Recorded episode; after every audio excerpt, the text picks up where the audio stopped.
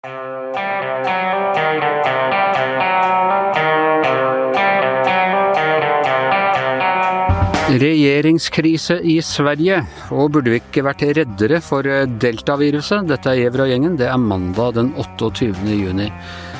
Ja, Hans Petter Sjøli, litt sånn dramatikk på en ellers rolig uh, junimorgen. Uh, regjeringen, altså Løfven, går av, rett og slett. Og går han da av på ordentlig, eller tar han en Raymond Johansen? Ja, vi får nå se. Det er jo ikke avgjort ennå. Nå er han jo valgt å gå av og si at han leder en såkalt overgangsregjering. Da. Men det, det er jo opp... Så Raymond så langt, liksom? Ja. Og så er det jo opp til han der såkalte talmannen, da, eller den svenske stortingspresidenten, som heter vel Anders Norlén. Han skal da finne ut av uh, uh, sondere, som det heter, blant, nei, blant partilederne i, i, Riksdagen. Så skal det da komme fram en ny regjering, og for alt vi vet, så kan jo godt det blir Stefan Löfven som får det oppdraget, selv om det ser litt, litt mørkt ut for uh, Kjell Stefan akkurat nå, må jeg jo si. Det tok jo veldig lang tid å få denne regjeringen stabla på beina. Jeg husker ikke hvor lang, men det føltes som det var flere måneder. Det tok fire måneder. Uh, fire måneder. Fire måneder, og Sverige var altså uten regjering i fire måneder. og Det, var jo en, det er jo en merkelig regjering. Den kanskje burde jo aldri ha funnet, sett dagens lys. for det er jo en, det er en koalisjon mellom, mellom to uttalt borgerlige partier og, og Sosialdemokratene i Sverige, og Miljøpartiet. da. Uh, sånn at uh, når, det, det, det, egentlig alltid sittet litt på oppsigelse. Sånn hvis det ble da et uh, et flertall på borgerlig side for å kaste eh, Löfven. Og, og hvis eh, Venstrepartiet ikke lenger orka å være med på å være sånn støtteparti, støttehjul for regjeringa, så, så, så, hadde de jo ikke noe flertall. Så det, en, det, har jo vært en veldig risikabelt prosjekt fra dag én eh, for Löfven, det her. Men likevel syns jeg det er ganske dramatisk, eh, det vi ser i Sverige nå. Eh, for det er en rød-grønn regjering, man må kunne kalle det en, en rød-grønn profil, og nå blir den kasta av ved hjelp av bl.a. Venstrepartiet? Altså, det er jo i den forstand at det, det, er jo Sosialdemokratiet som er det store partiet, selvfølgelig. Og, og sitter sammen med, med, det svenske MDG da, i, i, regjering. Men det er støtta av, av to partier som, som, har definert seg som borgerlige partier, og de er borgerlige partier i Sverige fortsatt. Det er Senterpartiet, som jo er et slags sånn liberalt agrarparti, som, som er søsterparti både til Senterpartiet og Venstre, kan vi si, i Norge. Og Liberalerne, som er som er da et, et liberalt, liberalistisk parti, mener jeg. Et klassisk borgerlig liberalt parti. Så at uh, Rød-grønn er det jo for så vidt, men, men uh, uansett så mener jeg den store storyen her er jo at Venstrepartiet, altså det svenske SV, da, eller svenske Rødt for den del, det, det er jo Sverige er jo litt annerledes enn Norge, men de har altså felt en regjering som er leda av en sosialdemokrat, og det er historisk, og det er ja, det, De har beredt grunnen rett og slett for å ta Sverigedemokratiet ordentlig inn i varmen i svensk politikk. Og det er, eh, det er, det dette egentlig dreier seg om. Altså dette er den store uh, hvitvasken av uh, Sverigedemokraterna rent sånn parlamentarisk. Ja, så De har jo stått på utsida siden de kom inn i, i, i, Riksdagen, så har jo de aldri fått noe innflytelse. Fordi de andre partiene har bestemt at det skulle, det skulle de ikke få. Dette er jo et parti som har røtter i nynazismen. altså Det er et ekstremt ytterliggående parti, i hvert fall i, i utgangspunktet, da, fra 90-tallet. Det har jo blitt de har jo også blitt mer pragmatisk og praktisk orientert med årene, de også, sånn som eh, alle de fleste. Men, men de eh, har blitt holdt utenfor, og derfor så har borgerlig side i Sverige liksom aldri fått noe flertall ordentlig. Eh, men nå har jo både Moderaterna og Kristdemokraterna i Sverige, og også nå sist da, Liberalerne, sagt at de kan styre på, på grunnlag av stemmene til Sverigedemokraterna i Riksdagen. Og da er det plutselig en helt annen situasjon, for nå er, er Sverigedemokraterna tatt inn i den parlamentariske varmen i Sverige. Og kan da være, ja, være, være et støtteparti og, være med i grunnlaget til den nye regjeringa. Og det som har da satt det partiet da inn muligheten til å få den posisjonen, er da altså det svenske SV-Rødt. Og det er jo ja, jeg må jo si at det er, det er, veldig veldig spesielt, og det er første gang det har skjedd. fordi at Når du ser det f.eks. i Norge, da, da eh, Finn Gustavsen felte Gerhardsen-regjeringa i 63, så, så, var jo det trygg forvissning om at, at Enna Gerhardsen kom tilbake likevel, for det var flertall for en regjering, eller en rød regjering da, i Norge den gangen. Det skjedde jo ikke det, da. Da, da fikk du jo et borgerlig mellomspill. Ja, men de, de ble jo felt da på første forsøk. ikke sant? Og Det er jo det samme som skjedde i Oslo også. ikke sant? Da, da, da Rødt felte Raymond Johansen, så var jo det også en trygg forvissning om at Raymond Johansen ville komme tilbake, fordi det var de som hadde flertall i, i, by, i bystyret.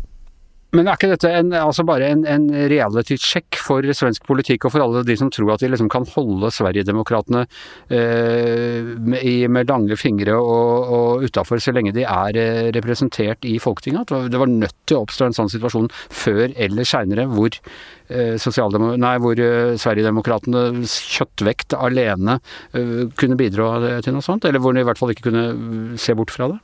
Jo, men spørsmålet er jo liksom, hvorfor skjer det midt i en eh, valgperiode?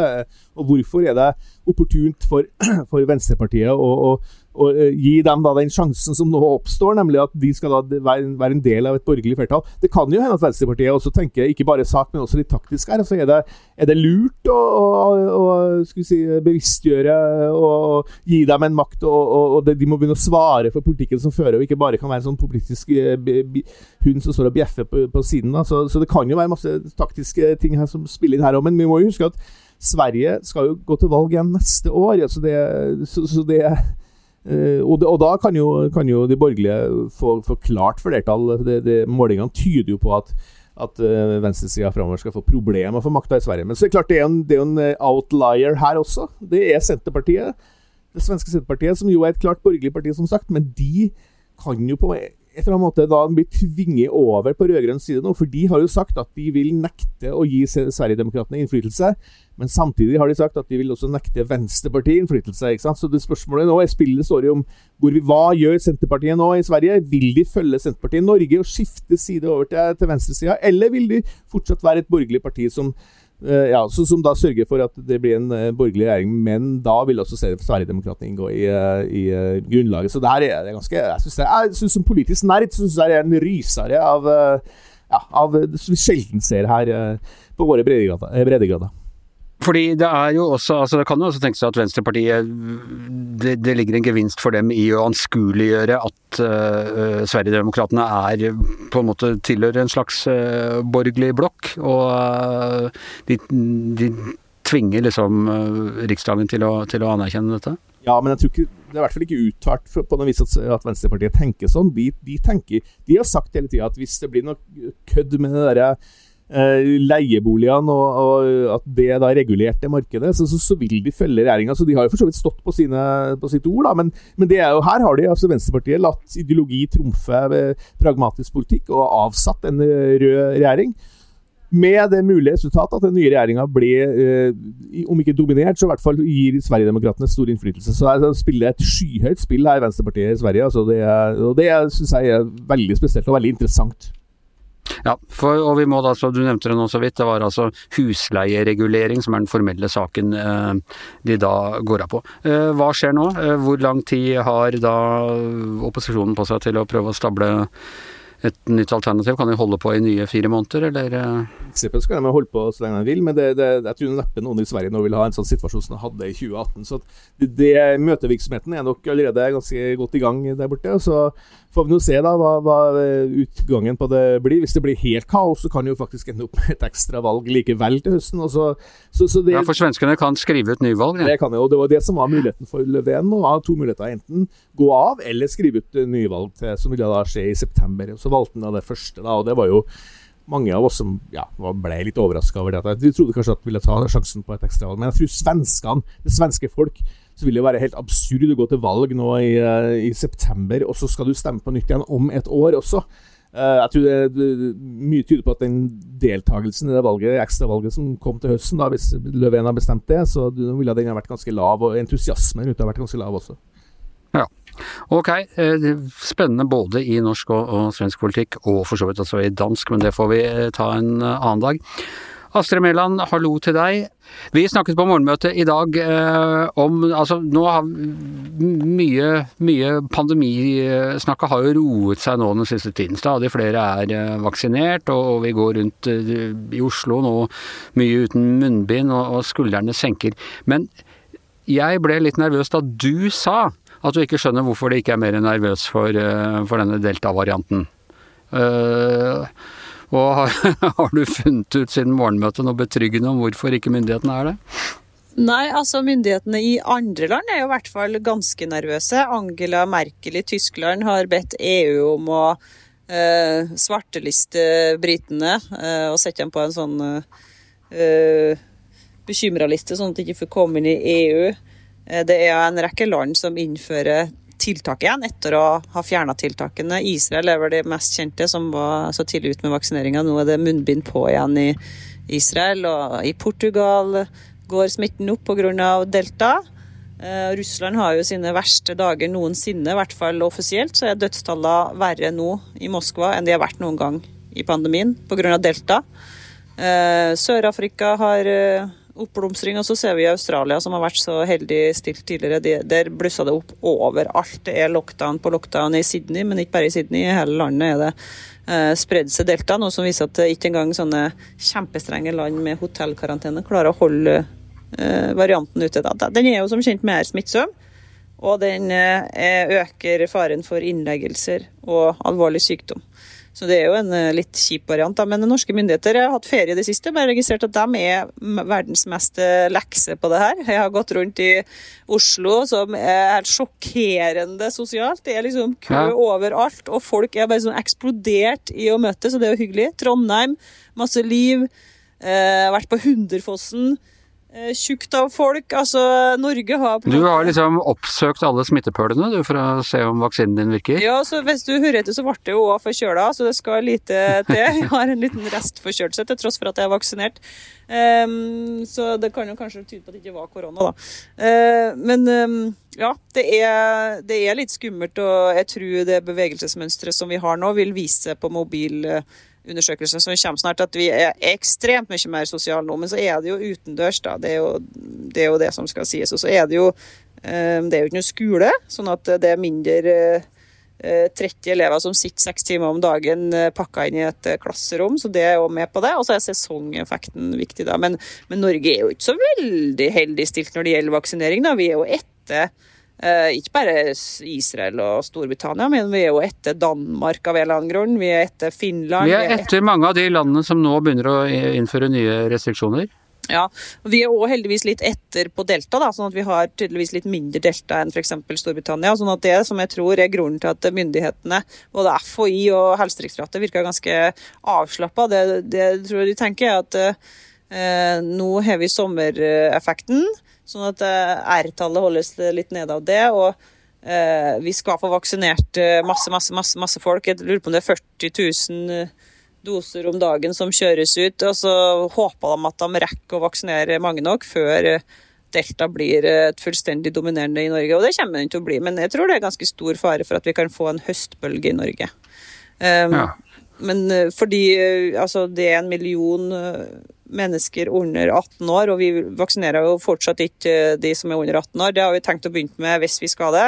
Så skal vi begynne med det i høst, kanskje ikke før november, for nå er jo vaksineringa så utsatt òg. Vi har jo fått uh, ganske mange dårlige nyheter på vaksinefronten igjen, sånn at det ser ikke ut som vi blir ferdig med å vaksinere dem over 18 før i oktober.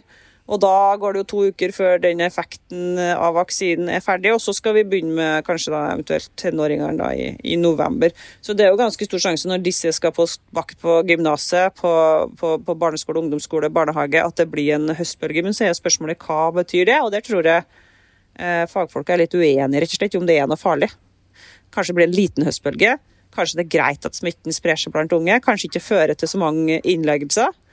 Eh, men så er det andre som mener, se på tall fra, fra USA. Det er eh, flere tusen barn som blir innlagt. Det er flere hundre som er døde. Det er riktignok en stor befolkning, men det er òg et sånn betennelsessyndrom som, som rammer barn som får covid. Og det er òg litt diskusjon om de kan få sånn lang covid. da. Ja, så mm, vi burde vært mer bekymret. Så er det, er det grunn til å kritisere myndighetene her, eller skal vi bare ri videre på denne, altså du, ja, denne lekse, som du kalte det, som jeg går ut fra betyr avslappede holdningen, som, som i hvert fall ruller Oslo nå? ja, um, jeg tror eh, vi, det er kanskje det vi har lært i denne eh, pandemien, at vi må smi mens i, hva heter det, jernet er varmt. altså Vi må benytte den anledninga til å være sammen nå i sommer når vi kan, når vi kan være ute og når vi kan treffes. og eh, Sesongeffekten er ganske sterk da. sånn at det, det er ikke noe galt med at folk treffes utendørs, men det kan jo se ut som vi får uh, en økning. da. Nå kommer jo ukesrapporten på onsdag sikkert. Det uh, ser ikke ut som det går ned, i hvert fall, de smittetallene, men det er jo på et lavt nivå. da, så det, så det går jo bra. Men jeg tenker at Det blir spennende å se framover hva myndighetene har bestemt seg, hvordan de vil reagere. Skal de slippe løs smitten blant eh, de uvaksinerte, eller skal de holde på med karantene, tisk og alle de her tingene som vi har lært å mislike i løpet av siste halvannet året, og til høsten, altså sånn at barna våre må på eh, karantene gang etter gang etter gang fordi det er smitte, eller skal vi bare la dem få det? Det blir en interessant diskusjon som jeg tror ikke er ferdig i overhodet, og som jeg tror myndighetene er uenige om se mellom hvordan de skal gjøre det, og at de venter fortsatt på tall fra USA og andre land om hvordan det blir. Ja. Jeg vet ikke om jeg er mer relax etter dette, men uh Eh, altså det, som er, det, som du kan være bekymra for, er hvis du har bestilt en tur til Europa. For det, der går det fort noe med, med, forskjellige uh, tiltak, og det kan plutselig endre seg. Sånn det, jeg har ikke det, men jeg har en annen her eh, som kanskje har det. Hans Petter, skal du til Hellas? nei, i år skal jeg faktisk ikke det. Uh, men det er ikke, det er ikke, fordi jeg er redd for delta, nei. Men det er mer fordi at uh, av andre grunner. Men jeg, må jo, jeg syns jo, jeg synes jo det blir Jeg synes Astrid drar på litt hardt her. Altså, det er jo, det er jo lav, veldig lave tall fortsatt, og lave dødstall, lave innleggingstall. og Det går kjempebra i Europa. Tyskland har nesten ikke smitte i det hele tatt. Det Famous er, last words. Ja, ja, det sånn er det alltid. Vi vet jo aldri hvordan ting blir. Men, men altså, for eksempel Australia, er jo, som har liksom gått, vært så høye og mørke og sier at de har gjort alt riktig, de har jo egentlig gjort alt feil. Nå, nå, når deltaen kommer seg inn der, så er det nesten ingen som er vaksinert i Australia. Det kan jo bli en ordentlig stort problem. og De har lockdown mye mye lenger enn oss. så eh, Jeg er ganske relativt optimist på, på hvordan dette skal gå. altså. Dere, Vi må ta en, bare to ord om en siste morsom sak i den forbindelse. Matt Hancock minister, helseminister, er det ikke det han er? I, eh, ikke nå lenger. Eh, ja, ikke nå lenger. Han var inntil nylig. Han er da tatt i å ha klina med sekretæren sin. Very British scandal, dette her. Eh, I mai, eh, mens man ennå skulle holde eh, mer sosial avstand, lenger sosial avstand enn at det går an å stikke tungen inn i munnen til hverandre. Og eh, han har måttet gå av pga. det. Og det, for meg som bare kjenner dette helt eh, i overskriftene, har han måttet gå av fordi han var gift, og da skal man ikke kline med andre? Eller har han måttet gå av fordi dette var brudd på sosialdistansereglene? I britisk presse framstilles det som om det var bruddet på smittevernreglene som var det absolutt verste, men det er jo en enorm uh, interesse av uh, en helt annen grunn, nemlig at han er gift og har uh, tre barn med en annen. Og nå er jo paparazziene i alle buskene og følger denne forsmådde kona. og dette kan de. Ja, og vi får det live minutt for minutt. Men altså, jeg vet ikke helt om den presseetikken er til å forsvare. Jeg vet ikke helt hvor de har fått dette bildet fra. Det tror jeg det er en sånn romavåg. Men, men likevel, altså det å se helseministeren kline med sekretæren sin det var litt av en video. Den varer i ett og et halvt minutt. Det varer så lenge. Og den har altså gått i The Sun og gått over hele Storbritannia og skapt sjokkbølger. Og det er jo ikke den første av disse toppfolka i koronahåndteringa som har blitt tatt med elskerinner. Tvert om. Eh, en av de store tallknuserne ble jo tatt for dette i, i fjor. Og, og, Dominic Cummings, rådgiveren den tidligere til Boris Johnson, ble jo tatt for å dra på tur midt i lockdown på museum, eller hva det var for noe. Kom med en utrolig dårlig historie om at uh, han måtte sjekke synet sitt. Og altså, Boris Johnson drev jo og skrytte at han håndhilsa på folk, og så fikk han korona. Eh, og det her er jo ikke eneste landet. Vi har jo Erna Solberg, som kanskje eneste statslederen som må betale bot. Og i Sverige jo, jo, jo, men, men, ja da. Men hun har ikke klina med, med sekretæren sin. Eh, det, det, er jo liksom en egen vri, vil jeg si, på, på dette, som gjør det liksom både så britisk og tabloid. Ja, men det er jo, det er jo noe helt utrolig med at de her eh, som leder håndteringa av korona, klarer å bryte reglene på nytt og på nytt og på nytt, og på de utroligste måtene. Det er jo en ganske eh, interessant sak.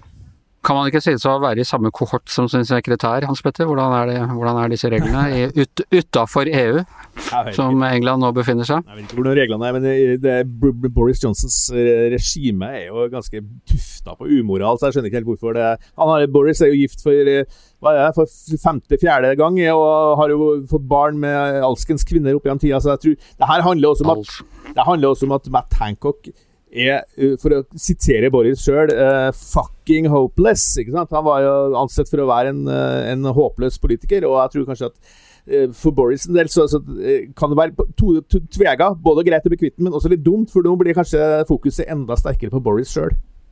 Ja, de har, eh, de har sitt å streve med, disse engelskmennene. Eh, vi er ferdige for i dag i hvert sitt hjemmestudio. Eh, Astrid Mæland, Hans Petter Sjøli, jeg heter Anders Giæver. Vaktsjefen vår heter Kristina Kinne. Og vikar for Magne Antonsen i dag er Ingeborg Huse Amundsen. vi høres igjen i morgen.